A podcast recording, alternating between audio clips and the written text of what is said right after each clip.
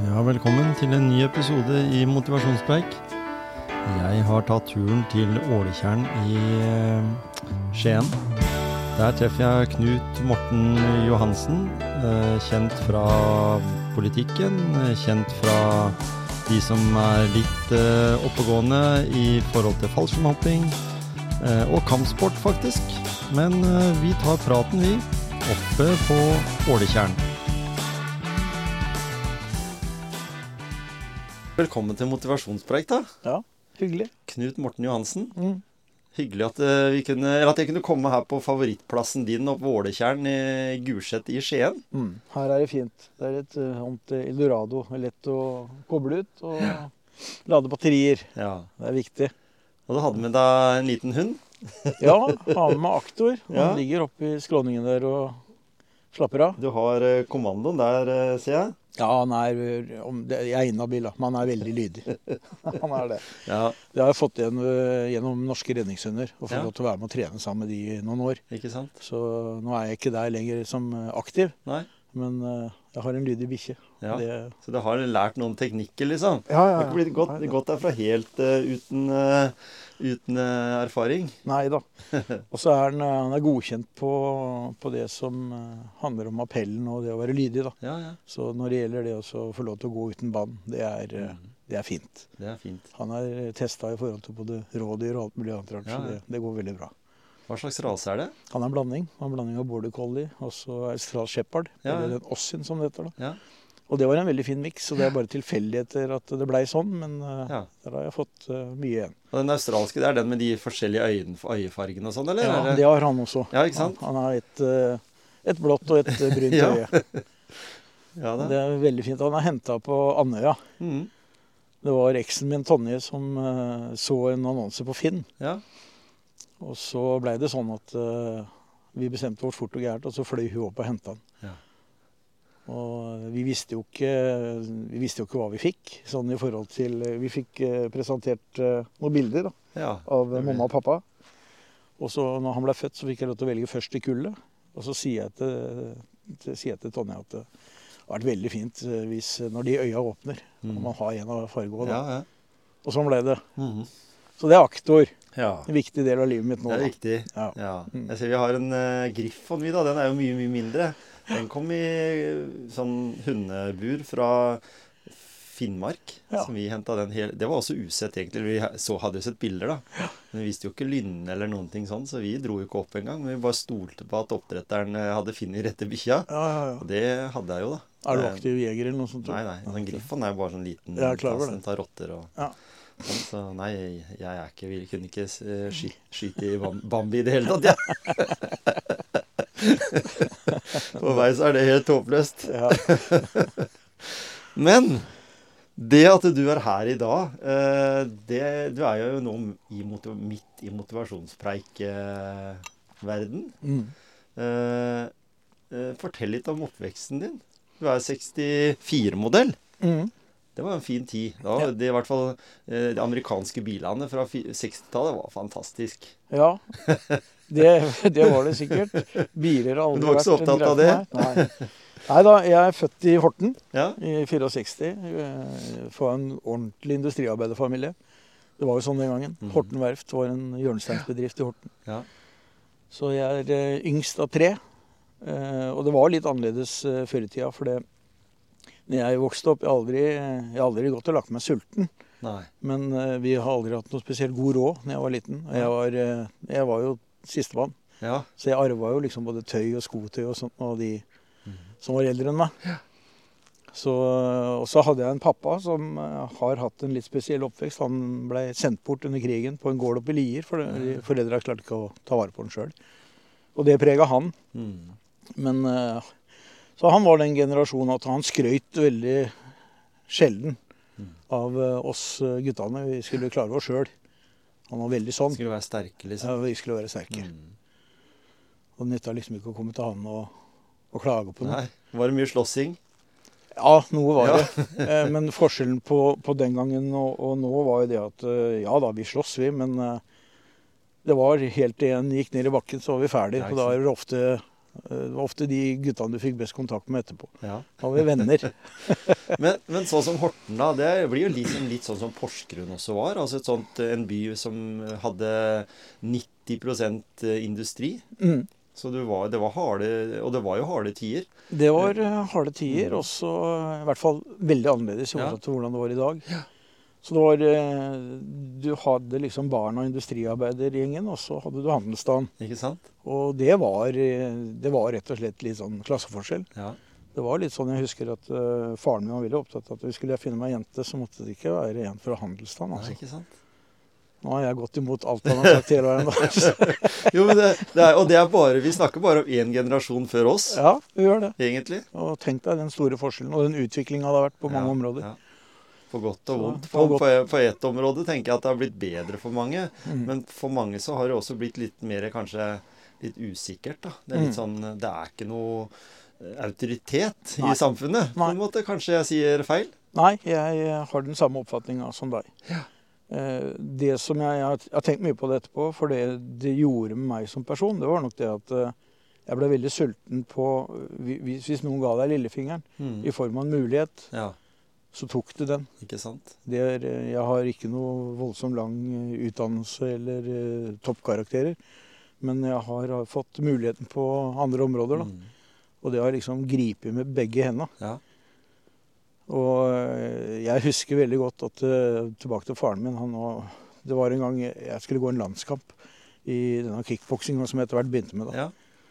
Og så husker jeg mora mi var den som sto på kjøkkenet og smurte niste, og så sa de at eh, i dag er pappa stolt av deg. Mm. Og det var den eneste gangen jeg fikk skryt av faren min, og det var det hun som sa. ja. Ikke sant? Men det sitter enda. Ja, det sitter ennå. For når du sier akkurat det, så jeg spilte jo fotball i Hercules, husker jeg. Jeg husker jeg ble tatt ut på A-laget det året jeg blei 16. Så jeg var ganske ung. Det var ikke så vanlig at du var så ung da. Men eh, vi hadde en som heter Torbjørn Gravkle som trener. Mm. Og han uh, ville gjerne ha litt ungt blod inn i laget. Mm. Og da spilte vi det som var tredjedivisjon den gangen. Som Mm. var liksom høyeste nivået Hercules hadde vært på mange år. Og da var jeg og en som heter Roy, vi ble tatt ut og satt på benken, husker jeg. Uh, og ene, best, altså ene broren til bestefaren min, han hadde spilt i det gamle Gjemse rundt krigen. Mm. Så han kom. Og faren min hadde aldri sett meg på en fotballkamp eller vært med på et friidrettsstevne eller noen ting. Mora mi vant på alt. Mm. Eh, men da kom hun på den fotballkampen. Og når jeg snakker om det nå enda, så kjenner jeg for litt sånn derre Den samme følelsen som sikkert du fikk når du fikk høre det, og som du tenker for i dag. At du var stolt. For han eh, var aldri resten av livet noe særlig opptatt av det. Selv om han levde nå fram til nyttår i år, da. Mm. Så, så var jo han aldri opptatt av noe ja, å skryte. Han var industriarbeider, han òg. Jobba Mm. på porselen i 55 år. Mm. Så han, det var livet hans. Og så var det nok litt sånn at industriarbeiderne den gangen de, de, de, de, Det var en sånn kultur at du skulle i hvert fall ikke tro at du var noe. Nei, Og du måtte ikke si det høyt. nei ikke sant? Hvis du Jeg har eh, faktisk samme bakgrunn som deg. Spilte fotball i Ørn Horten Mm. eh, den gangen som det var eh, annendivisjon var annendivisjon. Ja. Og debuterte også som 16-åring mot Vålinga, husker jeg. Mm. Og vi hadde engelsk trener, en som het Clive Baker, som var henta inn fra Sheffield Wednesday. Og guttene kjørte egne biler, og Ja. Prøys Foto var liksom hovedsponsor, og det var stort en gang i tida. Mm. Så jeg husker veldig veldig godt, Det var før Nils Johan Sem blei eh, kjent. da. Jeg husker veldig godt Han kom bort til meg etter den debuten og så sier han til meg at eh, nå må du huske på det at du kan Nå kan du bli hva du vil. Mm. Husker jeg han sa til meg. Og det er også en ting jeg husker veldig veldig godt. Ja. For det, det var vel kanskje den eh, eneste gangen jeg fikk en sånn direkte tilbakemelding. da. Mm. Og så blei det jo ikke sånn, for jeg var veldig rastløs som person. Så jeg dro rett fra videregående og i, i Forsvaret som 18-åring. Ja. Og da begynte jeg med helt eh, andre ting. Mm.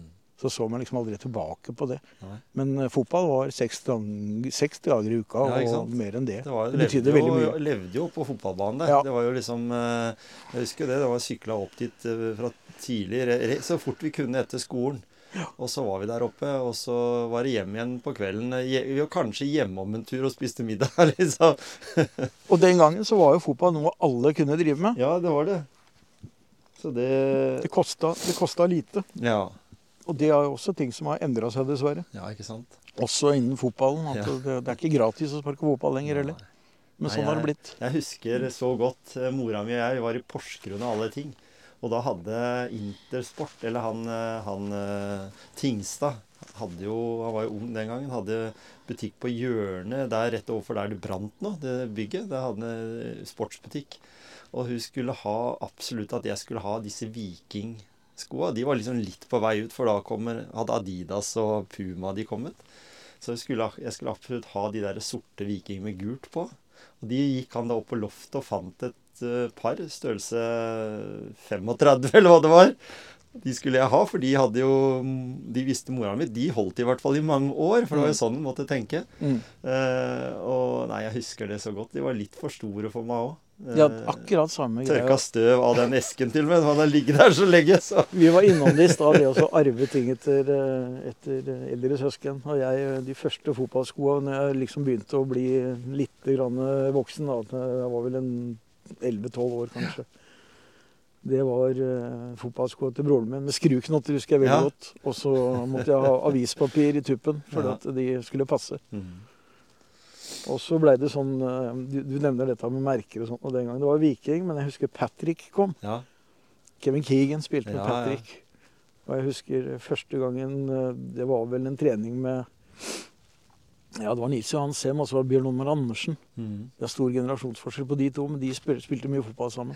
Jeg fikk lov til å være med og sparke med de. Og jeg husker, jeg husker Bjørn Omar Andersen hadde Patrick. ja. Og det blei liksom det store målet, å få tak i Patrick. da. Det gikk mange år med sommerjobb og alt mulig før jeg liksom hadde råd til å kjøpe Ja, ikke sant? Nei, jeg husker Patrick og Admiral. Det var det første Ja, ja, ja. jeg fikk på Hercules. Mm. Admiral. Mm. Eh, Det var stort, liksom. Og du Mm. følte deg liksom som Det var vel Leeds var vel en av de klubbene som, som jeg tror jeg hadde Admiral. Og jeg er voldsom uh, Leeds-supporter. Ja, er ikke det? Medlem nummer seks i supporterklubben i Norge. Så det er, ikke, det er ikke umulig å komme utenom å prate om fotball med deg. Nei, det, det Vi må en liten tur innom det. Ja, ikke sant? For Leeds betydde mye. Og det var jo Ja. også sånn at så fort jeg fikk muligheten til det, så reiste jo Den skal mamma og pappa ha. De tok meg med eh, i gammel bil med sånn kombicamp bakpå. Mm. Og så reiste vi fra Kristiansand til Newcastle. Og så kjørte vi ned til Leeds. Ja. Uh, dette var jo i sommerferien, så det var jo ikke noe seriespill og sånne den gangen. Men jeg husker det var første gangen jeg traff uh, bl.a. Peter Lormer, da, mm. som jeg blei veldig godt kjent med. Og det at de, de, de tok et engelskkurs, og så tok de med bl.a. meg da, til Leeds, Mhm. det, det var en stor investering. Ja.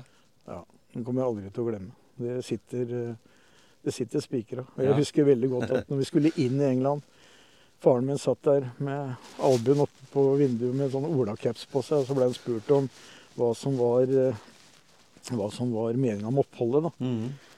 Hvor da han, eh, Det var jo egentlig holiday han skulle si, ja. men han så på tolleren og så sa han 'yesterday'. Ja. Og han, han spurte OK, en gang til. Spurte om oppholdet. Like eplekjekk. 'Yesterday'. Så det var starten. ja. Så, og, og siden det har vært mye, vi har vært mye elites etter det, da. Ja, for det var genialt det der med den ferja, jeg husker jeg. Den som gikk fra Kristiansand og Mm. over. For den tok vi en gang med fotballaget jeg eh, spilte på. En sånn gutteklubben-grei som eh, heter Hjemsø. Vi dro til Newcastle med den. Ja. Og spilte og Vi var på fotballkamp faktisk òg. Vi var vel på Leeds mot eh, Jo, vi var på Leeds mot Derby.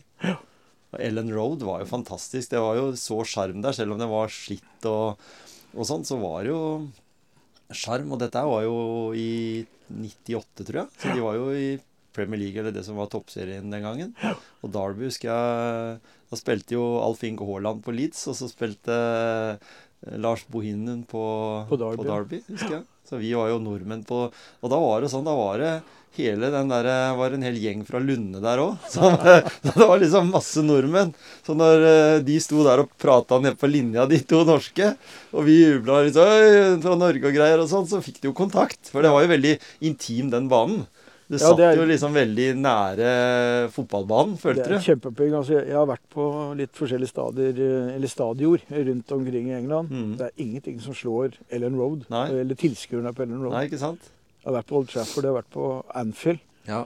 Men det trøkket som er på Ellen Road, det, det må rett og slett oppleves. Det var veldig spesielt. Og den atmosfæren som var i pausa. Vi sto der og tok oss en uh, halvliter og, og en pølse. Og alle var jo så engasjert i kampen. Ja. Så engasjert i samtalen at det var sånn at det blei løpende for å komme ut i annen omgang. Mm.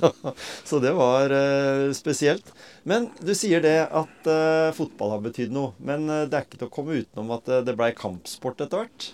Nei, da er vi tilbake til det at jeg som ung gutt reiste i Forsvaret. Mm. eh, havna på, etter hvert på Setermoen. Ja.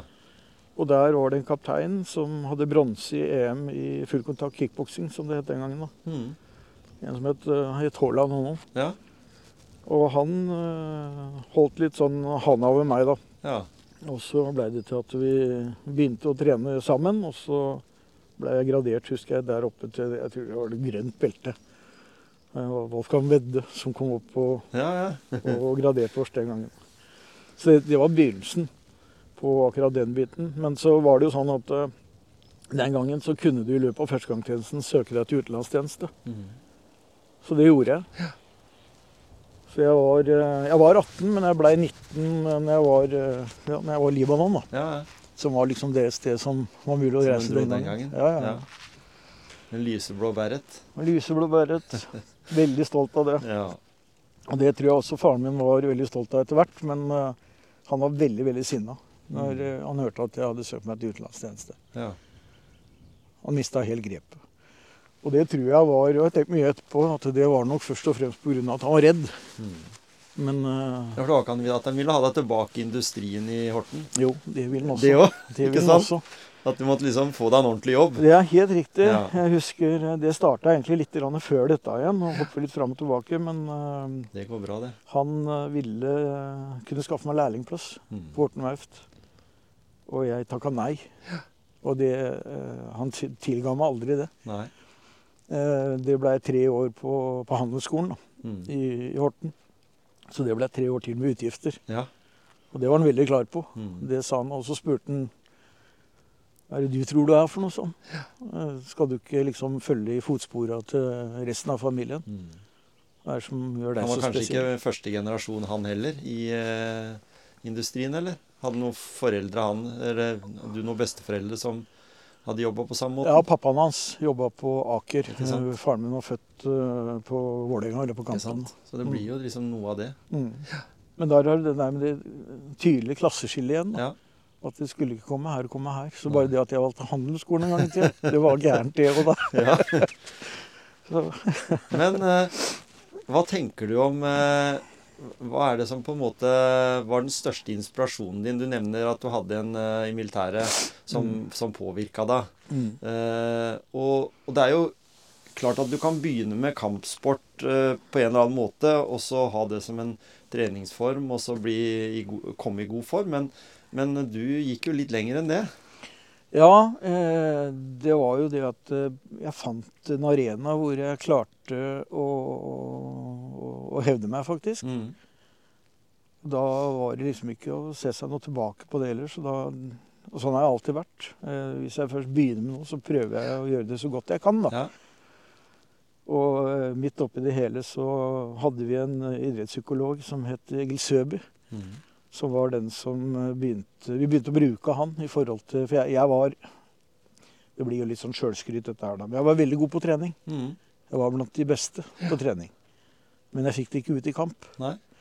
Og så begynte vi å bruke Egil Søby. Mm. Apropos det å få trua på seg sjøl og tro at du er noe, for å si det sånn. da. Det er i hvert fall viktig i den type idrett. Ikke sant? Så plutselig så løsna det. Mm.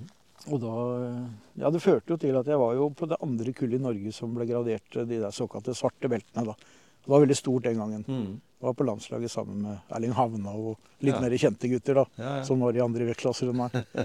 Trena mye sammen med Steffen Tangstad i Tønsberg. Og det var et kampsportmiljø i, i, i Tønsberg som var veldig, veldig bra, sånn i nasjonal sammenheng, da. Mm. Og der lærte jeg jo fort at eh, du kom ikke noe vei med å stå med lua i handa. Du måtte rett og slett eh, Du måtte tro litt på deg sjøl og egne ferdigheter. da. Mm. Og så var det gjerne sånn at det var veldig mange som begynte. Og så litt likt fallskjermhoppinga som jeg starta med seinere. At eh, det var liksom én av ti da, Mm. som nådde det der nåløyet og liksom komme seg litt sånn videre og få lov til å representere Norge og sånt. da. Mm. Så det Men når, du, men når du har en sånn eh, motor i deg fra, fra barnsbena, hvis en kan si det på den måten, da, mm. at du ønsker på en måte å bevise både som du sier overfor faren din, men også miljøet rundt deg. da, At du ønsker å bevise hva du er i stand til. Mm. Eh, det blir jo en sånn greie. Enten så vil du da inn og jobbe i industrien og si ja takk til det, eller så vil du, som du sier, noe helt motsatt. Mm. Eh, det at du tester deg ut på sånne ekstremidretter, da. Jeg vil jo si at kan, jeg kunne aldri tenkt meg fått gått ut på en arena og så bli banka opp, eller banke opp noen andre. tenker jeg. Eh, eller når du kommer da til fallskjermhopping. Det har jeg først tenkt på nå i de seinere åra, at det er noe jeg ønsker meg til 60-årsdagen min. Så er det tandemhopp i fallskjerm, liksom. Bare for å ha gjort det. Men, men, du har jo sinnssykt mange hopp, og du har jo, hvis jeg skal, skal si det, du har jo også spesiell sertifisering for, eh, for hopping, har jeg funnet ut av. Ja da. Det som eh, Det er jo ikke sånn nå lenger, men den gangen, altså Lage lang historie kort på det, så endte det med at uh, når tandemhoppinga kom til Norge, så var det et veldig stort behov for, for de som kunne filme og ta bilder. Mm. Og nå snakker vi Vi snakker sånn. Snurrfilm? Nei. Nei da. Vi gjør nesten det. ja. Nesten det. Det var rett og slett VHS. Altså, vi måtte Ja. liksom rigge disse her eh, hjelmene med dette utstyret sjøl. ja. Og det var jo eh, kamera med, med vaier som du måtte ligge i lufta og ta bilder. Mm. Og så ble det sendt av gårde, og så måtte vi vente liksom eh, disse ukene det tok for å få tilbake filmen. da. Ja. Og da var jo kundene veldig fornøyd hvis det var fem av de bildene som var bra. Men det, det som skjedde, da var det at eh, veldig mye av disse små flyplassene rundt omkring, det var jo bl.a. Torp. da. Det var jo militære anlegg. Mm. Så det ble bestemt eh, på et eller annet nivå der, et sted på veien, at du måtte ha en godkjenning fra Forsvarets overkommando Ja. For å få lov til å, å være såkalt frittfallfotograf. Ja. Så det var broren min og meg vi ble blant de to første i Norge som, som fikk det, den utsjekken. ja. Og det betydde jo også at eh, Forsvaret hadde en kar på Heinz jegerskole som den gangen lå på Trondheim, som het Laffen. Mm. Eh, men han kunne jo ikke filme alt aleine. Og da måtte jo Forsvaret også bruke oss, da. Ja. Så vi hadde noen år der hvor, eh, hvor jeg, fikk, eh, jeg fikk utrolig mange hopp. Også militære hopp, da. Ja. Men spesielt når tandemen kom til Norge, Mm. så var det jo vårs du måtte bruke. ja. Så Tøft. ja, utrolig gøy. Eh, hvor, hvor, si, hvor mange hopp har du? Jeg har noen tusen. Ja. Mm. Jeg har det. Så jeg pleide å si at eh, broren min og meg, vi har til, vi har det sammen, pleier jeg å si. ja. Mange tusen hopp. Men det høres jo veldig Det er jo mange. Det er mange tusen. For meg så er det helt utrolig å tenke at eh, en har hoppa så mange ganger. Men, mm. men eh, det var jo som sagt en del, en del jobba rundt det der òg, da. Ja, og så må du huske på at eh, dette var ikke farsmopping sånn som det var i dag. Vi starta med sånn eh, kassert militært utstyr. Runde skjermer med brødreserve på Ja, ja. magen osv. Så. Mm. så det var jo noe helt annet. Og løftekapasiteten, altså flya, da, Ja. var også noe helt annet. Jeg husker vi fløy rundt i sånne små Cessna-fly uten dør Mm. som elever. da. Ja. Brukte en evighet å komme opp til høyde for å kunne hoppe. Ja. Så, nei, så jeg begynte med fallskjermhopping da jeg var 16, faktisk. Ja. ja. Første gangen. Mm. For det har liksom vært to epoker. Og det husker jeg han eldste broren min som jeg begynte å hoppe sammen med etter hvert. Og vi hoppa sammen i mange, mange år. Eh, Så jeg husker han eh, sto på bakken på Torp når jeg liksom debuterte med linehopp den gangen. da. Mm. Og han har sagt det mange ganger at eh, han var så misunnelig. Og så har jeg tenkt mye på det at for som 16-åring så må du ha må du ha signatur av mamma og pappa for å få lov til å hoppe. Ja. Og det har jeg tenkt på mange ganger etterpå når jeg ble pappa sjøl. Mm. Hvis Isak Isak Elide hadde kommet til meg som 16-åring og sagt det at uh, jeg har lyst til å begynne med fallskjermhopping, Mm. det hadde sittet langt inne Ja, og signert de papirene. ikke sant? Litt pga. kunnskap rundt uh, hva dette går i. Men uh, jeg tror det at eh, Det har jeg spurt mora mi om etter at pappa døde. liksom, hva, hva var grunnen til at de gjorde det? Mm. Og da sa de det at eh, for det første så var du utrolig rastløs, og du Mm. var nysgjerrig på alt. Men de var, det var i Horten den gangen så var det liksom I min omgangskrets så halvparten av de har blitt rusmisbrukere. Ja. Og resten har liksom klart seg greit, da. Mm. Men uh, mora mi sa det at uh, vi så det at du var så rastløs, og du vanka i uh, mange miljøer. Ja. Vi var redde for at du skulle ta feil valg. Mm. Så der fikk du i hvert fall utløp for det der. ja, ikke sant? Det, Det er viktig, han, det. uh, ja. Å ha den, der, eh, Mm. å ha den muligheten. Jeg har jo snakka med, med folk som ser at de starter med f.eks. offroad-sykling, eller Ja. de starter med eh, snowboardkjøring, eller altså litt, litt sånn ekstremsport, for liksom å få utløp for nettopp den eh, energien der, da, den som Mm. ligger i deg. For det er klart at uh, mammaer og pappaer, eh, spesielt kanskje mammaer, ser vel kanskje litt ofte at han der eh, må vi finne på noe med. Ja da. For På en måte, jeg, det er litt sånn òg, så du kan jo jeg, jeg var der, og jeg så uh, I det borettslaget som jeg vokste opp, da, så var det jo veldig mye sønner og døtre av industriarbeidere. Mm. Og Horten var vel kjent for å være den store cannabisbyen i, i Norge, for å være helt Ja. ærlig. Uh, Og Bob Marley han kom jo til Hortenfestivalen, det var vel en grunn til det. ja. Nei da, men i hvert fall eh, Det har jeg fått, blitt fortalt etterpå, at Ja. eh, de var redde for at jeg skulle ta noe feil valg. Så de syntes at det måtte være et miljø. Mm. Og da ble jeg revet bort fra Horten òg, for du Ja, kunne ikke hoppe Fallskjerm i Horten. Nei, ikke sant. Nei, du måtte til Tønsberg, da. Da måtte vi til, måtte til Tønsberg og Torp, ja. ikke sant. Eh, Eller Jarlsberg, da, som etter hvert ble hjemmebanen. Mm. Og så husker jeg veldig godt eh, vi tilbake til dette med fotballen. Jeg var en som spilte på Old Boys-laget som het Bjørn Bjørne. Jeg Ble kalt i Forsvaret for Bravo Bravo. Han var med å stifte Marinejegerkommandoen, og også, også det som seinere ble Forsvarets spesialkommando. Og han tok litt ha- hånd over meg. Ja. Han så vel kanskje noe av det samme som foreldrene mine. Mm. Så jeg husker han dro meg inn i garasjen eh, hjemme hos seg, og så sa, viste bilder på veggen og den type ting. Og sa det at dette her sånn, det tror jeg er noe for deg. Mm. Så Bjørn var en sånn mentor for, for I hvert fall for meg, da. ja. Jeg hadde veldig respekt for han, fordi jeg visste han var veldig stor i forsvarsmiljøet. Mm. Men det er først det er først mange mange år etterpå at øh, jeg har forstått hvor stor han var. Og han hoppa jo Falsheim helt til han ble 80 år, og så enten faktisk sine dager på Jarlsberg og detta ned nå for øh, Det er vel seks år siden jeg har blitt. ja. Uh, mens jeg var statssekretær i Oslo da. Mm. Så det, det var eh, tøffe tak. Uh, for det fallskjermmiljøet er, uh, det er større i dag, men det var veldig lite, så alle kjente alle den gangen. Mm.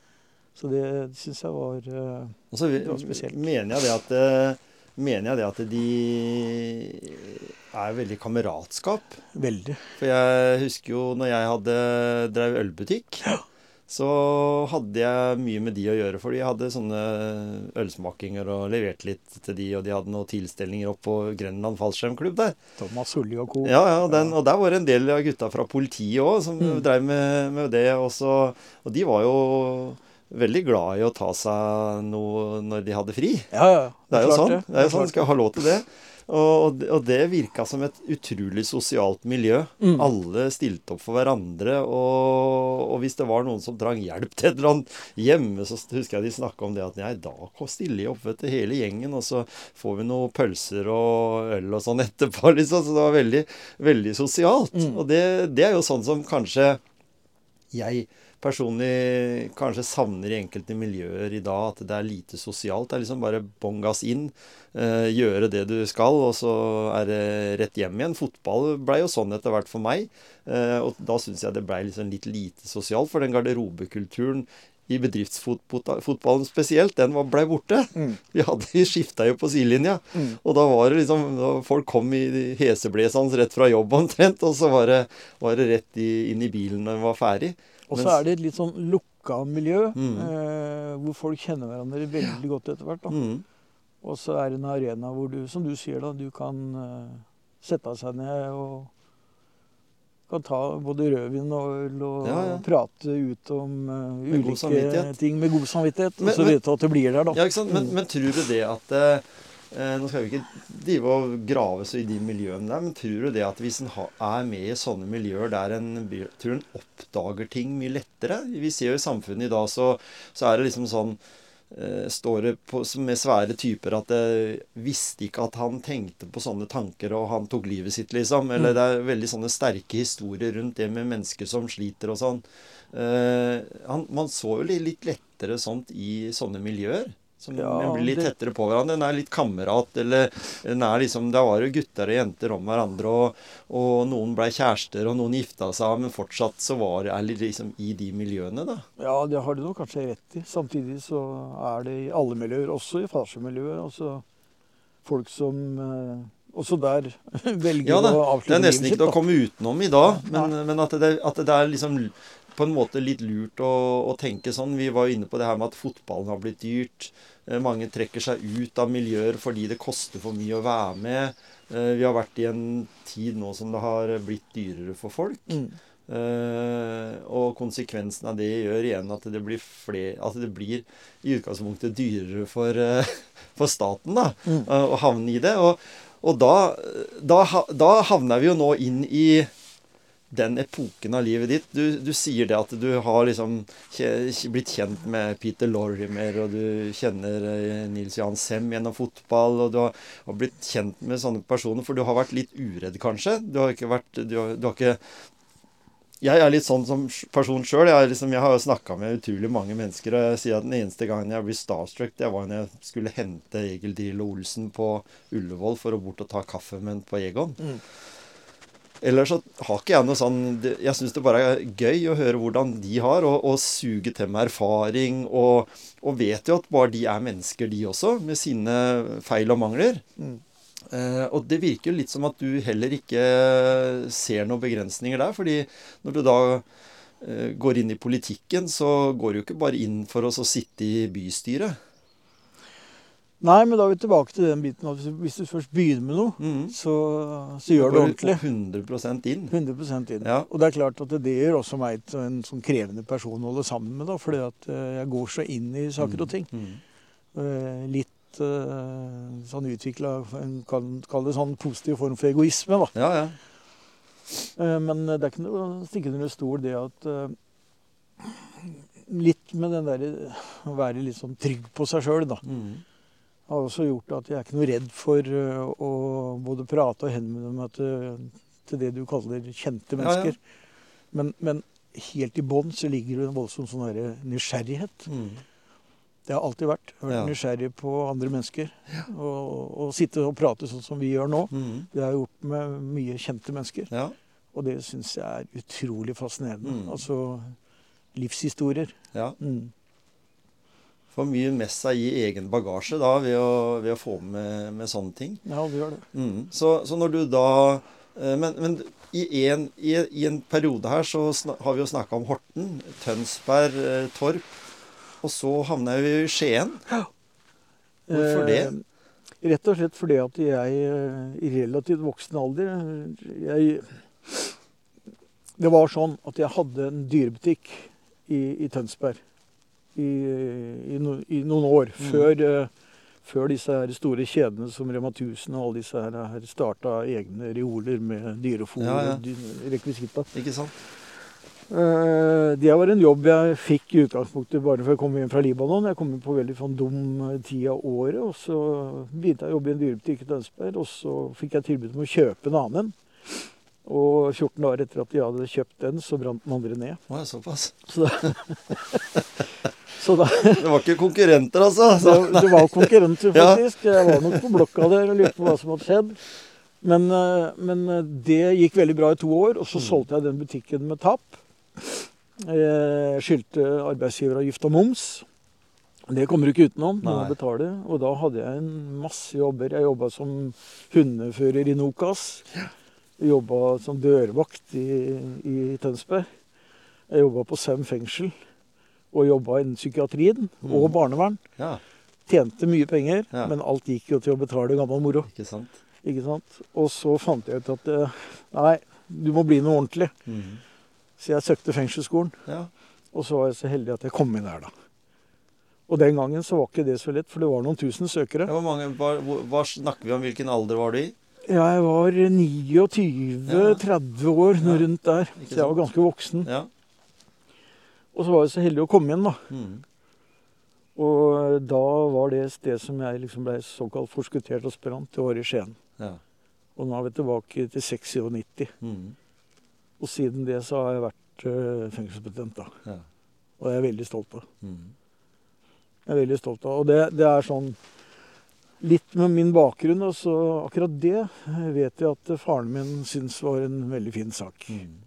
Uh, og det sa han vel en gang i tida før han døde også, at uh, det at jeg hadde valgt noe annet enn å bli industriarbeider, Mm. med den utviklinga når alle disse Ja, ikke sant? Alt ble jo lagt ned, Ja. altså. Mm. så så han jo det at uh, det var et, eh, det var et lurt valg allikevel. Men, Ja. men, kunne, men, men da tenker jeg, kunne det vært sånn altså Du sier du hadde da utgifter du måtte dekke til myndighetene. Mm. Eh, kunne du like gjerne endt i politiet? Er det sånn? Eller syns du det at du du hva? kommer inn mot mennesker på en annen måte i fengselsvesenet? Nei, det, det er litt spesielt det du sier nå, fordi at eh, nå, Tilbake til kickboksinga, så Mm. Vi var to stykker, en som het Morten Bergsholm, og som meg sjøl, som gikk liksom hver vår vei. da. Han, eh, han var først fengselsbetjent, for den gangen så var begge utdannelsene lønna. Mm. Og så søkte han Politiskolen og kom inn der. Han blei eh, skolens beste elev, Ja. etter hvert som ble han instruktør i politiet. Mm. Og så ville han ha med seg igjen i forhold til det å drive instruktør på nærkamp uten våpen. Og så var jeg så heldig at han plukka ut meg til det. Mm. Så øh, jeg har hatt veldig mange hyggelige opplevelser med politiet. altså På beredskapstroppsnivå og den type ting. da. Mm. Mye øvelser som jeg har fått lov til å være med på. og sånt. Ja. Så jeg hadde veldig lyst til å bli politimann. Mm. Men den gangen var det et krav på høyde Å, ja. og vekt. ja, ja. Eh, som gjorde at eh, Morten sa til meg at du kan søke, men du kan eh, fort bli skuffa. På Mm. av at det var absolutt, Mm. det var et absolutt krav den gangen. Så jeg søkte fengselsskolen, ja. og så kom jeg inn der. da. Mm.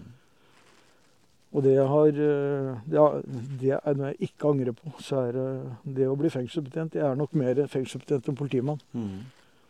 Og det går bl.a. på det vi snakker om nå, dette her med å ha individuelle samtaler og, og litt kanskje litt sånn livserfaring også. Mm. Det er en del av de innsatte jeg har prata med opp gjennom tida, som jeg har fått inn i fallskjermmiljøet. Mm. Og det har faktisk redda dem. Mm. Og det Ja. Og så har han fått være med på mye, da. Når en først velger å så være fengselsbetjent, så er det vel sånn Dette med å være nysgjerrig på livet og sånn. Så jobbe i Telemark fengsel avdeling Skien, Mm. Det har jo blitt kalt for det såkalte sånn kjendisfengsel. Ja, har ikke det? Ja. Jeg er eh, Nei, jeg, jeg syns jeg har fått veldig mye ut av eh, det å være fengselsbetjent. Ja. Men eh, det er jo, holdt jeg på å si Det er jo, det er jo på en måte litt sånn Hva skal jeg si Du kan jo være med på kanskje å påvirke folk mer i fengselet enn du kan i politiet, da. Ja, det kan For det blir mye mer sånn akutt der og da, og så vekk med det. Mens, mens der så kan du få lange perioder, fordi de er jo stort sett der i fengselet. De sitter jo i, i en stund. Ja, så Det å være en sånn aktør i strafferettskjeden som dette, da, det, det, er, det, det er helt riktig det du sier. Det er stor forskjell Mm. på å være politimann og det å være fengselsbetjent. Ja. Vi har gjerne med de samme menneskene å gjøre som du leser om i avisene, da, i store, alvorlige krimhandlinger. da. Mm. Eh, Såkalte kriminelle kjendiser, hvis du kan kalle de det. Mm. Du har jo med de å gjøre i årevis, Ikke sant? så vi blir jo ganske godt kjent. Men da har jeg veldig lyst til Det var en ting jeg sa til kona mi i går eh, når jeg sa jeg skulle snakke med deg.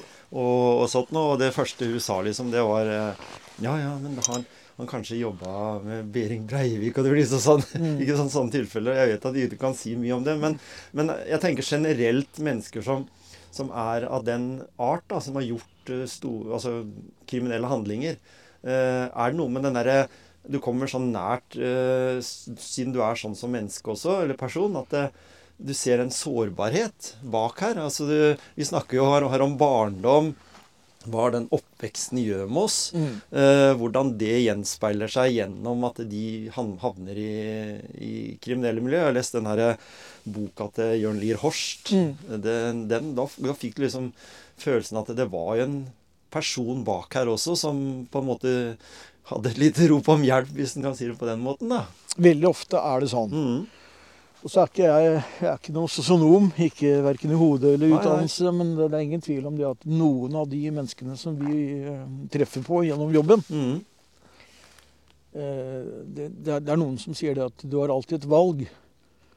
Men jeg tør påstå at det fins mennesker som ikke har hatt eh, de samme valgene som andre. Ikke sant? Og eh, nå snakker jeg ikke nødvendigvis om, om den kategorien som du var innom i stad, men, men at det fins en del av de menneskene her som ja, de har vokst opp under, under forhold og vilkår som Nei, det er helt, helt forferdelig ja, å høre sant? noen ganger. De har kanskje hatt eh, foreldre som har slitt med rus og Eller kanskje og, ikke hatt foreldre i det hele Ja, ikke sant. Mm. Usikker barndom og alt med mm. seg. Mm. Når, ja, jeg kan si sånn Jeg husker ja. en som heter Ragnhild, som var eh, prest oppe hos oss på mm. Hun sa det, og det er veldig riktig, hun sa det at hun har ennå ikke truffet en innsatt som ikke har positive sider. Nei, ikke sant? Og det, sånn er det med oss mm. alle. Vi har plusser og minuser. Og så er det en del som tråkker ordentlig feil. Mm. Eh, og så er det en kjent sak at de som får kanskje mest omtale i avis en periode for ulike former for spesielt drap, da, ja, ja. de ser vi sjelden igjen. Mm. Med noen unntak, selvfølgelig. Ja, ja. Vi kan godt reise, vi reiser oss litt ja, vi opp. Jeg kjenner at uh, vi er jo i Norge nå i mai. Mm. og, så, og så er det sånn at vi vi, vi, har begge to kledd oss godt, men uh, den sola kommer ikke ordentlig godt fram her. Så, så vi begynner å bli sånn, få litt sånn vibrato i stemmen her. Ja, gjør det. Men jeg er ikke ferdig med det når vi snakker om, uh, om det å, å, ta seg av andre mennesker. Mm. Uh, jeg pleier å si sånn, for jeg jobber jo i helsevesenet og har jo ikke gjort det hele mitt liv.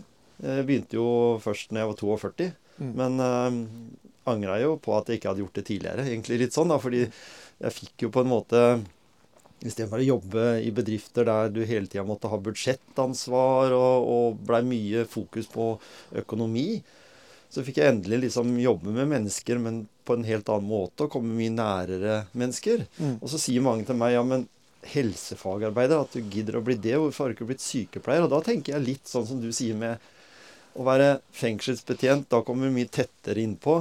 Er du i politiet, så blir det sånn overfladisk. Og det, jeg sammenligner det litt med sykepleier og, og jeg som helsefagarbeider. Og så har jeg tatt mye tilleggsutdanning, så jeg har på en måte muligheten til å gjøre så mye jeg kan. da. Mm. Og der er jo og der er litt på den der med at jeg, jeg ville aldri vært sykepleier. Ville ikke vært. Jeg skulle ikke vært den som skal telle piller på, på medisinrommet, jeg. Jeg skal være den som står og, og holder noen i hånda, eller, eller holder rundt noen som, som, ikke har det så bra. Mm. Og da søker jeg meg jo til avdelinger der jeg har lyst til å jobbe fordi jeg er nysgjerrig. Sånn som du sier også at du er med, med, dine, med dine, ønsker om, om å jobbe. Mm. Men jeg har alltid vært jeg si noe, glad i å både prate med og jobbe med mennesker. Mm. Og det er ikke til å stikke under stol at jeg hadde jo fem år på en sånn akuttpost i, i Tønsberg. Eh, post 1, som det heter, eller gamle avdeling K. Mm. Som, eh, det var jo psykiatri. Ja. Og der var jeg i, jeg var i fem år og jobba borte på sånn 100% stilling som ufaglært. da. Mm. Ja, Det var Men, før du tok utdanninga? Mm. mm. Da var du i 20-åra? Ja. Og den erfaringa der, den, eh, den vil jeg ikke være foruten. Nei. Og så har jeg en periode i barnevernet som jeg jobba med en som Han havna i et uh, slagsmål på en barnevernsinstitusjon, og så døde han, han som jobba der, da. Mm. Han døde i det slagsmålet. Og det var en fyr som med bl.a. bakgrunn med den kampsporten og det. Ja. Så var vi tre stykker da som blei spurt om vi kunne tenke oss å liksom jobbe med han her på sånn døgnbasis. Mm. Og det gjorde vi hvis vi hadde han en uke i slengen da, ja. der. Og det å se, se, at det kan gå bra med folk som liksom i 15-16-årsalderen liksom har vært med på mm. den type hendelse også. Mm. Det er en utrolig fin, fin erfaring. Ja. Så viste det seg at uh, obduksjon i ettertid viste seg at det slagsmålet det var ikke slagsmålet som var årsaken til at han døde. Han fikk et hjerteinfarkt ah, ja. i dette slagsmålet. Ja, det er selvfølgelig tragisk. Ja, ja. Nei, det er det jo. Mm. Nei, men når, når, da noe sånne skjer, så ser du det med det mennesket at det er faktisk et håp, da. Du mm. sier jo det der som hun uh, fengselspresten sa, at det er, alltid en, uh, det er alltid noe positivt i alle mennesker. Ja, vi er alle fulle av plusser og minuser Ja. også. Og så er det bare å få dyrka fram disse Ja. plussene, da. Det var en gang jeg husker jeg ga ut en bok i 2015. Da hadde jeg med en der som heter Ånen Olsen. Som er sånn eh, alt mulig funnet opp ting og ble vinner av Skaperen og sånn. Han sa, sa det at eh, i utgangspunktet så har vi alle født snille. Mm. Alle mennesker. Mm. Det er noe liksom påvirkningene du får derifra ut, da, og så er det klart at det stemmer kanskje ikke alltid, for det kan være noe gener eller noe kromosomfeil eller et eller annet men i utgangspunktet så, så formes du jo i, i samfunnet. Og, og når vi tenker sånn politi, beredskap øh, Du har vært litt opptatt av det òg, og det gjorde jo at du vel kanskje fikk en, noen arbeidsoppgaver i politikken òg? Innafor? Ja, jeg er veldig glad for eh, Det, blei litt tilfeldigheter. det at eh, jeg ble spurt av Ketil Solvik-Olsen Mhm. i Samferdselsdepartementet om jeg kunne tenke meg å være statssekretær for han. Eh, og det er en politiker som er veldig godt likt på tvers av partiene. Ja. Og det var også på et felt som gjorde at det var ikke så kontroversielt. Nei. Så familien min på hjemmebane syntes at det var veldig bra. Ja. At det var han som spurte. Ikke sant? Og så reiser man innover til Oslo, og så blir det en omrokering i regjering pga. at Venstre skal inn. Og da fant eh, Siv ut, da, at, eh, som var lederen vår den gangen, at eh, du har jo bakgrunn fra, fra jussen. Ja. Så hun syntes det var veldig fint hvis jeg kunne bli statssekretær i Justisdepartementet. Mm. Og det var jo veldig veldig interessant, for jeg fikk jo, som du sier, jeg fikk jo noen veldig spesielle arbeidsoppgaver der. Mm. Blant annet eh, etter 22. juli. Så er det ikke til å stikke under stol at man måtte se på liksom, beredskapen i Norge og samarbeidet mellom forsvar og politi. Mm. Og da følte jeg ordentlig at jeg var på hjemmebane. Mm. Så jeg er veldig stolt av å ha vært med på å bidra til akkurat den biten der. At man har eh, en helt annen beredskapsplan i dag. Den berømte Plivo, da, når du blir tråkka på den røde knappen i dag, Mm. Så er det en helt annen reaksjon. Ja. og et helt annet samarbeid Ja. mellom eh, forsvar og politi enn det det var eh, Ja, for det var det vel nesten ikke? Nei, Det var, nei, det var ikke det. nei, ikke sant? Det er liksom, Man satt liksom litt på hver sin tue Mm. og hadde veldig delte oppgaver i forhold til hvem som skulle gjøre hva. Mm. Så jeg er veldig glad for det. Og så er jeg veldig glad for å kunne bidra til at man har fått et dyrepoliti. dyrepoliti. Som, eh, som gjør at man nå har et eh, ja, Man har dyrepoliti i nesten alle distriktene i Norge. Mm. Mm. Og det er jeg veldig glad for. For det er liksom det er, Jeg har noe snarere Det er noen ting i livet som jeg er veldig opptatt av. Jeg er veldig opptatt av dyr. Jeg hater eh, bokstavelig talt eh, dette med dyremishandling. Mm. Dyrevelferd er viktig. Mm. Og så er jeg ikke noe glad i, i mobbing. Og mobbing Nei. på alle nivåer. Så jeg, sånn, jeg, jeg påstår sjøl at rettferdighetssans, Mm. det, det er Mm. viktig. Mm. Det er viktig at folk har. Ja. Så når jeg kom inn i det departementet der, så å kunne jobbe med akkurat de tinga var Jeg syns jeg var veldig, veldig moro. Mm. Veldig, veldig moro. Og det å så rett og slett være med og se at uh, du har hånda litt grann på, på rattet, Mm. og være med å kunne bidra til å lande de der store utfordringene, det syns jeg var kjempegøy. Mm. Politikken er jo sånn at uh, du blei vel ikke før født som politiker, men du kom liksom fra en jobb, og så blei du med aktiv i politikken, og så levde du med politikken til du døde. Hvis du tenker de her gode gamle Mm. i, i Carl I. Hagen som ikke slipper taket, Mm. uh, i deres parti. Eh, Oddvar Nordli hadde de, og de hadde jo Gro Harlem Brun Det var mange liksom som, som fikk seg noen jobber, og Jens Stoltenberg ser vi jo har jo fått jobb ute i, ute i verden. Mm. Uh, men sånn som vi ser nå, så eh, er, er det krevende å være politiker. For vi ser jo ja, han Kjetil som du nevnte der, han legg, eller kutta vel litt ut nå. Uh, tenker familie, andre ting som frister.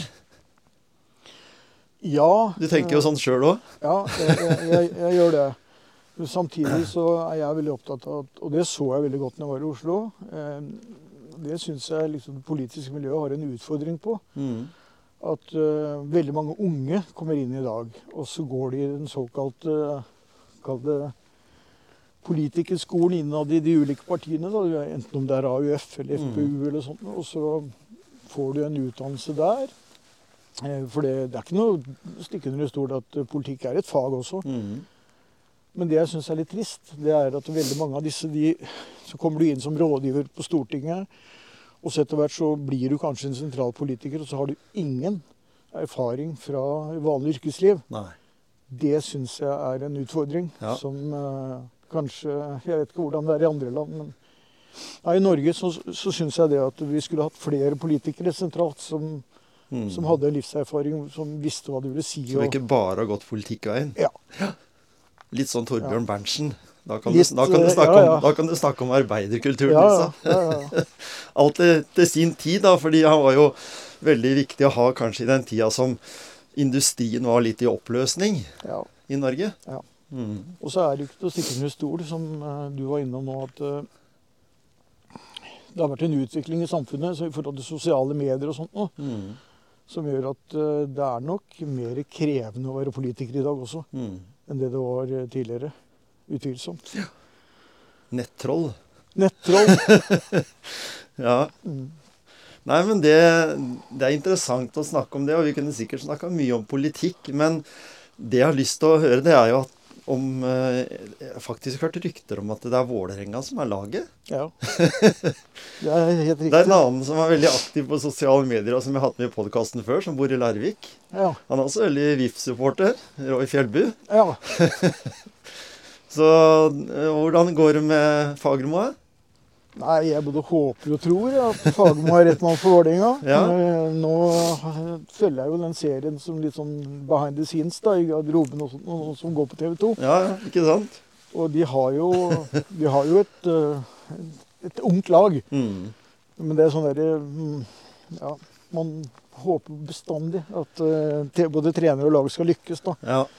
Men uh, grunnen til at det ble Vålerenga for meg, det var jo det at faren min er født og oppvokst på Kampen. Ja, det på sa det. Ja.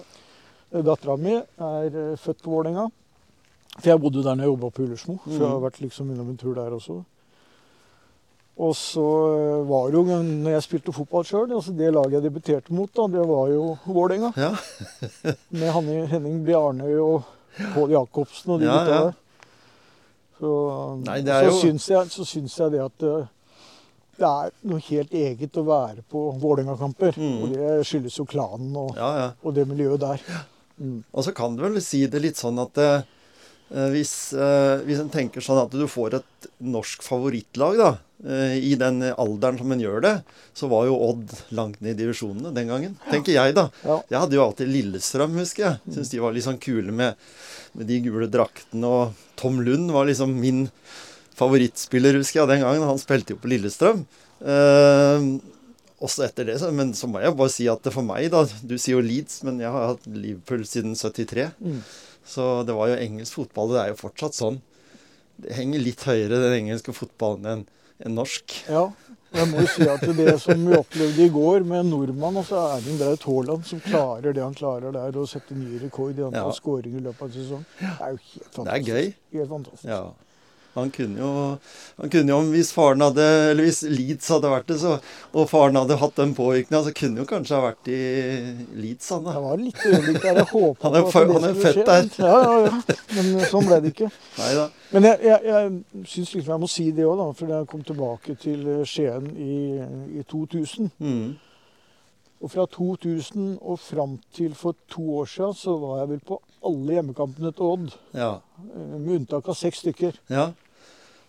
Og det Jeg må jo si at eh, Odd eh, Det betyr mye for Telemark å ha et lag i, i, i Tippeligaen. Ja. Eliteserien, som det heter nå. da. Mm. Så Jeg sier alltid at Odd får, har alltid fått mye ut av lite, mm, egentlig. mm. Og ikke har det vært den som har fått så veldig mye omtale heller. De kan jo ha de kan jo ha slått Rosenborg 3-1 på bortebane, de, og så er det ingen som sier om noe om det på sporten. Nei, også du snakker om rammebetingelser. eh, Mhm. Tilbake til politikk. Jeg må jo si at uh, Rolf Erling Andersen er tidligere ordfører i Skien. Ja, Og det han uh, jobba og fikk til i forhold til stadionutbygginga, ja. den skal de ha. Et uh, helt fantastisk anlegg. Mm. Så, Så det skjedde jo sånn gradvis, og de har liksom ikke gjort sånn som veldig mange av de andre. Fått inn en rik onkel, og så har han bare betalt hele ja. greia. Og sånn. De har liksom bygd stein for stein. Og det gjør jo, etter min mening i hvert fall, at eh, Dag Eiliv er jo en av de beste trenerne kanskje Eliteserien har. Det er bare har litt med kultur å gjøre. I det, i det du tenker at eh, han som nå ikke greier kanskje å berge Ålesund, da, gjorde en kjempejobb i Brann mm, bare for noen få sesonger siden. mm. Og sånn er eh, fotballen. Det er eh, Klopp han er kanskje ikke favorittreneren i Liverpool i dag, men han for to sesonger siden så var han jo den beste treneren i verden. Ja, og det må jeg si.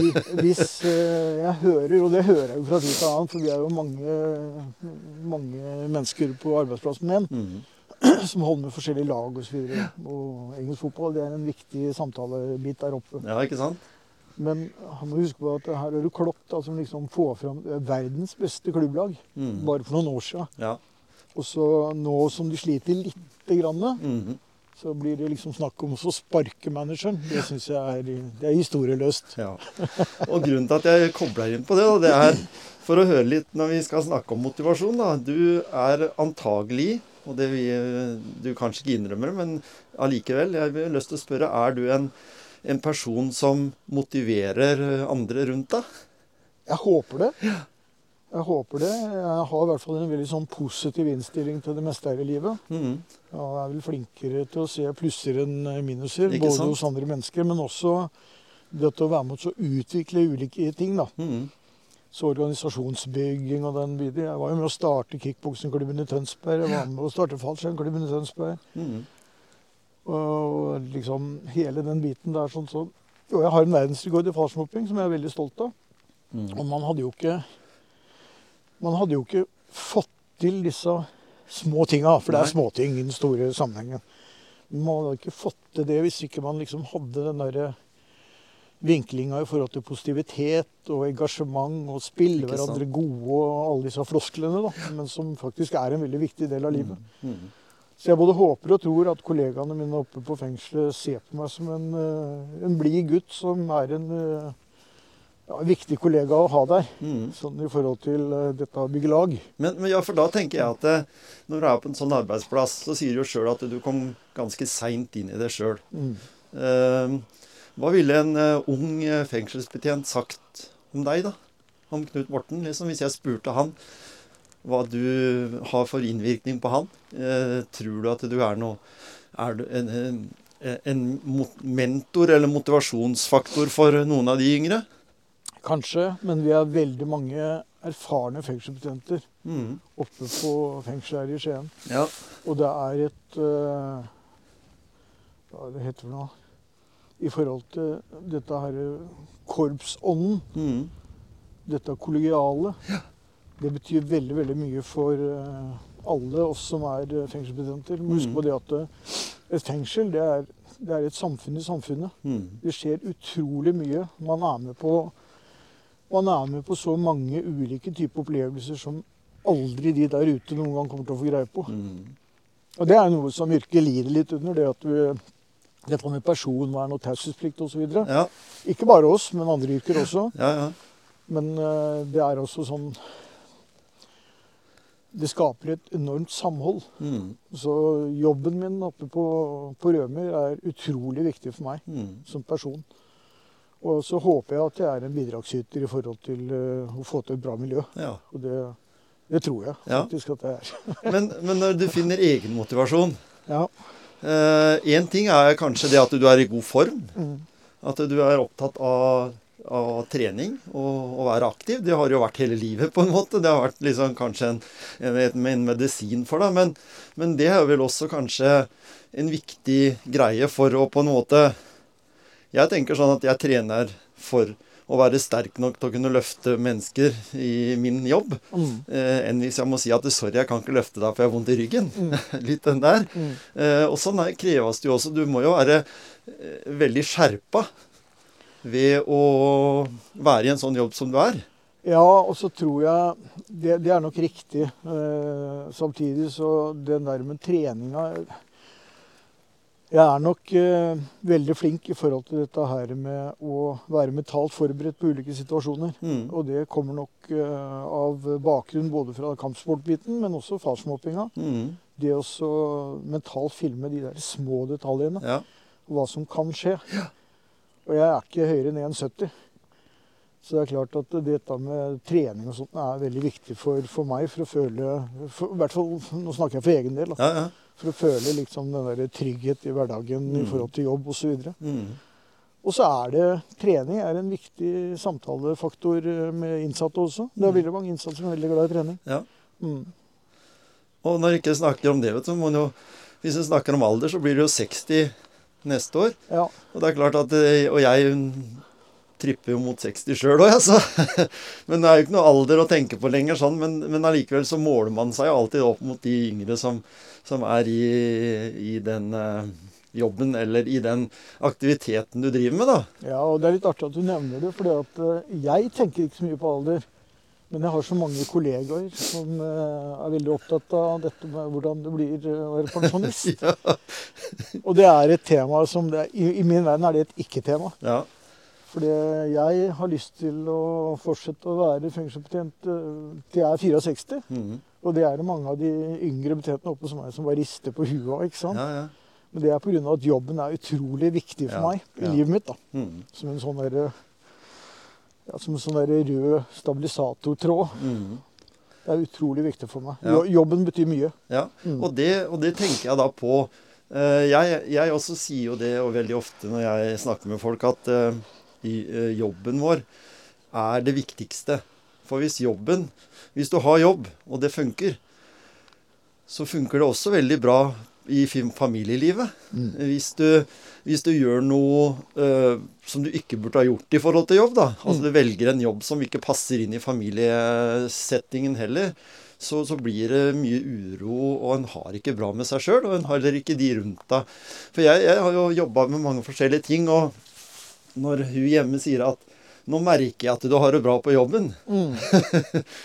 tenker du litt sånn? At, du, at du, jobben er en veldig viktig faktor, og i et samfunn i dag som veldig mange går uten jobb, eh, hvor, hvor hardt det må være å kanskje bare sitte der og føle seg ikke sett. Ja, Utenforskapet til det roter veldig mye Ja. rundt.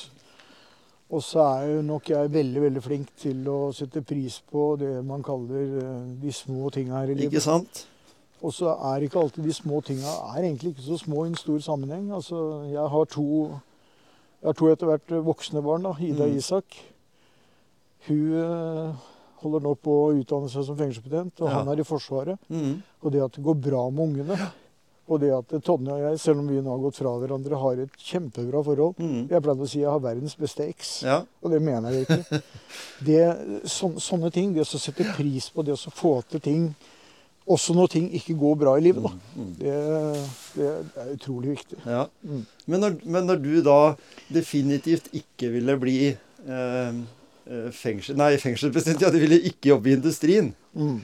eh, så har du da fått to barn som har valgt eh, omtrent samme retning som deg, og, og samme retning. Jeg har jo en datter som har blitt sykepleier, og hun andre er barne- og ungdomsarbeider. Så jeg har liksom Veien har jo Og de har sagt det at du har jo vært med, pappa, på å påvirke vårs Fordi jeg var jo 42 ikke sant? i den alderen de skulle begynne å gjøre valg på skole og sånn. Mm. Så det passa liksom sånn. Mm. Uh, har det på en måte Og så har jeg i mange tilfeller tenkt at jeg har vært veldig egoistisk, da, fordi jeg har bytta jobber og det ene med det andre. Men når du får sånne tilbakemeldinger, og, og det er en god eh, aksept å få det, eller sånn, når du, når du ser at barna dine også gjør de valga som du har gjort, da, eller velger retning da, i Mm. livet.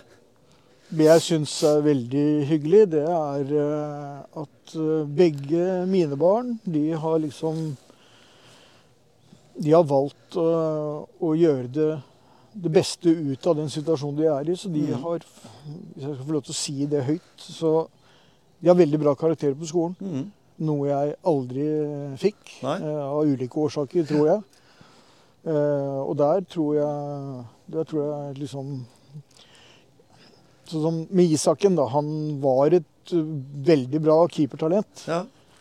Og så tror jeg nok eh, at mammaen her forklarte han at skal du bli, skal du bli flink på skolen, Mhm. så må du prioritere. Ja. Så han prioriterte bort eh, fotballen, Mhm. Og så satsa han alt på, på skolearbeid en periode. Og det syns jeg som eh, sånn idrettspappa synes jeg var tungt. Ja, ja. Men eh, det var jo helt riktig. Mhm. Det var helt riktig valg. ja. Så eh, begge de to kan nesten bli hva de vil i forhold til karakterer, tror jeg. Mm. Så hun holdt på med rettsvitenskap ved siden av fengselsskolen.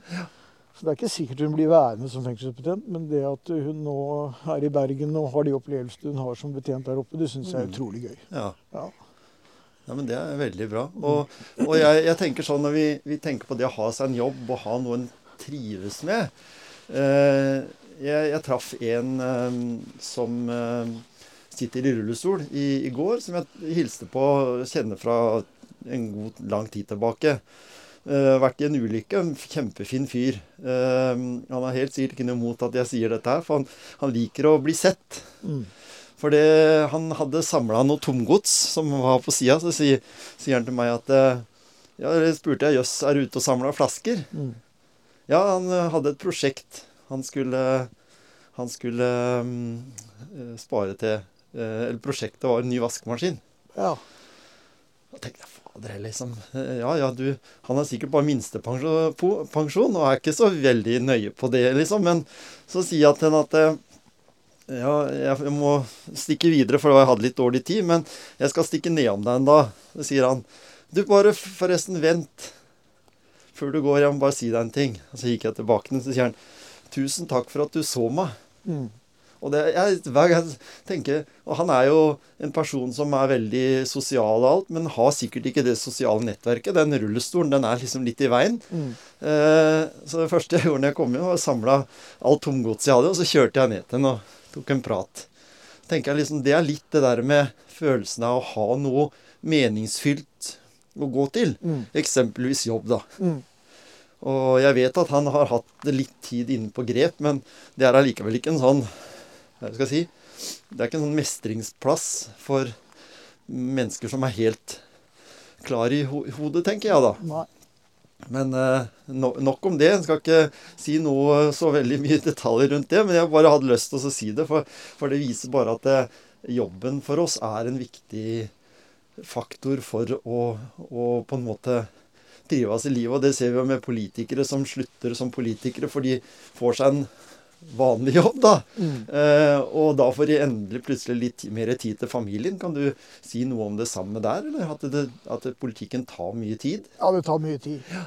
Og det tror jeg veldig mange av de som eh, vi, vi er jo inne i en periode nå hvor det akkurat har kommet nye lister fra partiene, og Ja. man prøver å engasjere nye talenter som skal inn i partiene. Men og det syns jeg er litt trist, for det, det er i hvert fall min erfaring fra det å ha en jobb hvor du jobber, eh, hvor du jobber skift, da, Mm. eller turnus. Det er veldig vanskelig å kombinere det Mm. med politisk virksomhet. Ja. Og særlig hvis du da i tillegg er småbarnsforeldre. Ja, ikke sant? Så jeg valgte jo, jeg valgte jo liksom å kjøre på på det helt uavhengig av alt. Og så Jeg sa det jo i stad at jeg er nok eh, på mange måter veldig egoistisk. Mhm. Men det har alltid også vært sånn at hvis eh, du skal gjøre noe, så får du gjøre det ordentlig. Eh, og så var jeg jo så heldig da at uh, jeg kunne jo søke permisjon fra, fra jobben som, som fengselsbetjent. Mm -hmm. være borte i fire år og være politiker på heltid. Ja.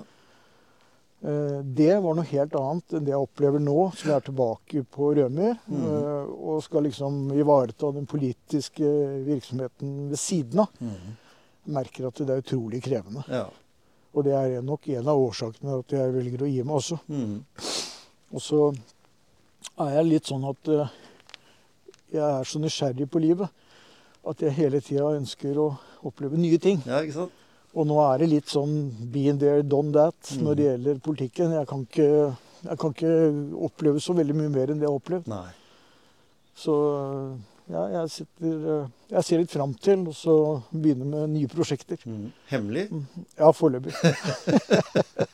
Kanskje vi, kanskje vi snakker sammen om et år? Ja, det hadde vært veldig At vi tar opp igjen tråden og så ser hva har skjedd. Mm. For uh, oppe på fengselet skjer jo også ting. I Skien nå så blir jo fengselet vårt uh, et kvinnefengsel. Mm. Uh, Syns du det virker spennende? Ja, nok en gang. Det, det er vel sånn En ny skrudd, utfordring? det er sånn jeg har skrudd sammen. At det er en ny utfordring, og det er ikke til å stikke under stol at uh, jenter eller kvinner i Norge som har uh, kommet i en situasjon som gjør at de måtte sone, de har nok sona under veldig mye dårligere forhold Mm. enn uh, en, eh, sine mannlige kollegaer, hvis det går an å kalle dem det. Ja. Så det at vi kan få et samfunnsoppdrag der oppe nå som gjør at vi skal prøve å gjøre det best mulig for, eh, for, eh, for jentene og kvinnene i Norge som må inn og Mm. sone, det, det ser jeg egentlig litt fram til å være, med, å være bidragsyter Ja. på. Og de fleste av mine kollegaer på Rømer eh, er også skrudd sammen sånn. ja. Eh, Det er noe, vi er politisk styrt, Mm. og det har blitt bestemt at sånn blir det. Mm. Og så er det noen dager hvor du går og tenker 'hva skjer nå?' ja, ja. Men nei, jeg tror både betjentkorps og ledelse hos oss eh, er veldig er veldig klare for, eh, for nye oppgaver. ja.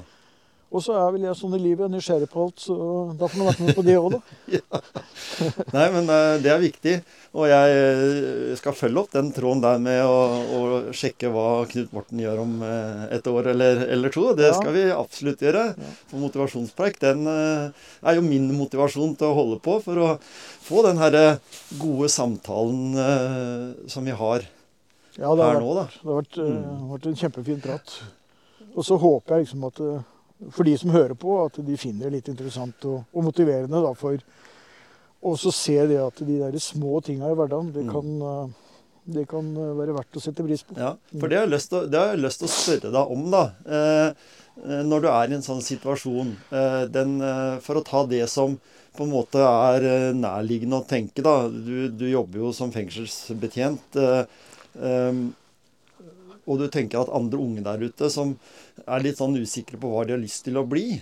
Hva vil du si eh, gode faktorer for det å velge fengselsyrket? Fordi det er jo mulig å, å gå den skolen. Jeg sier jo det er stadig vekk annonsering eh, på det, men det er vel ikke de samme eh, å si, Det er ikke de samme fordelene nå som det var, kanskje?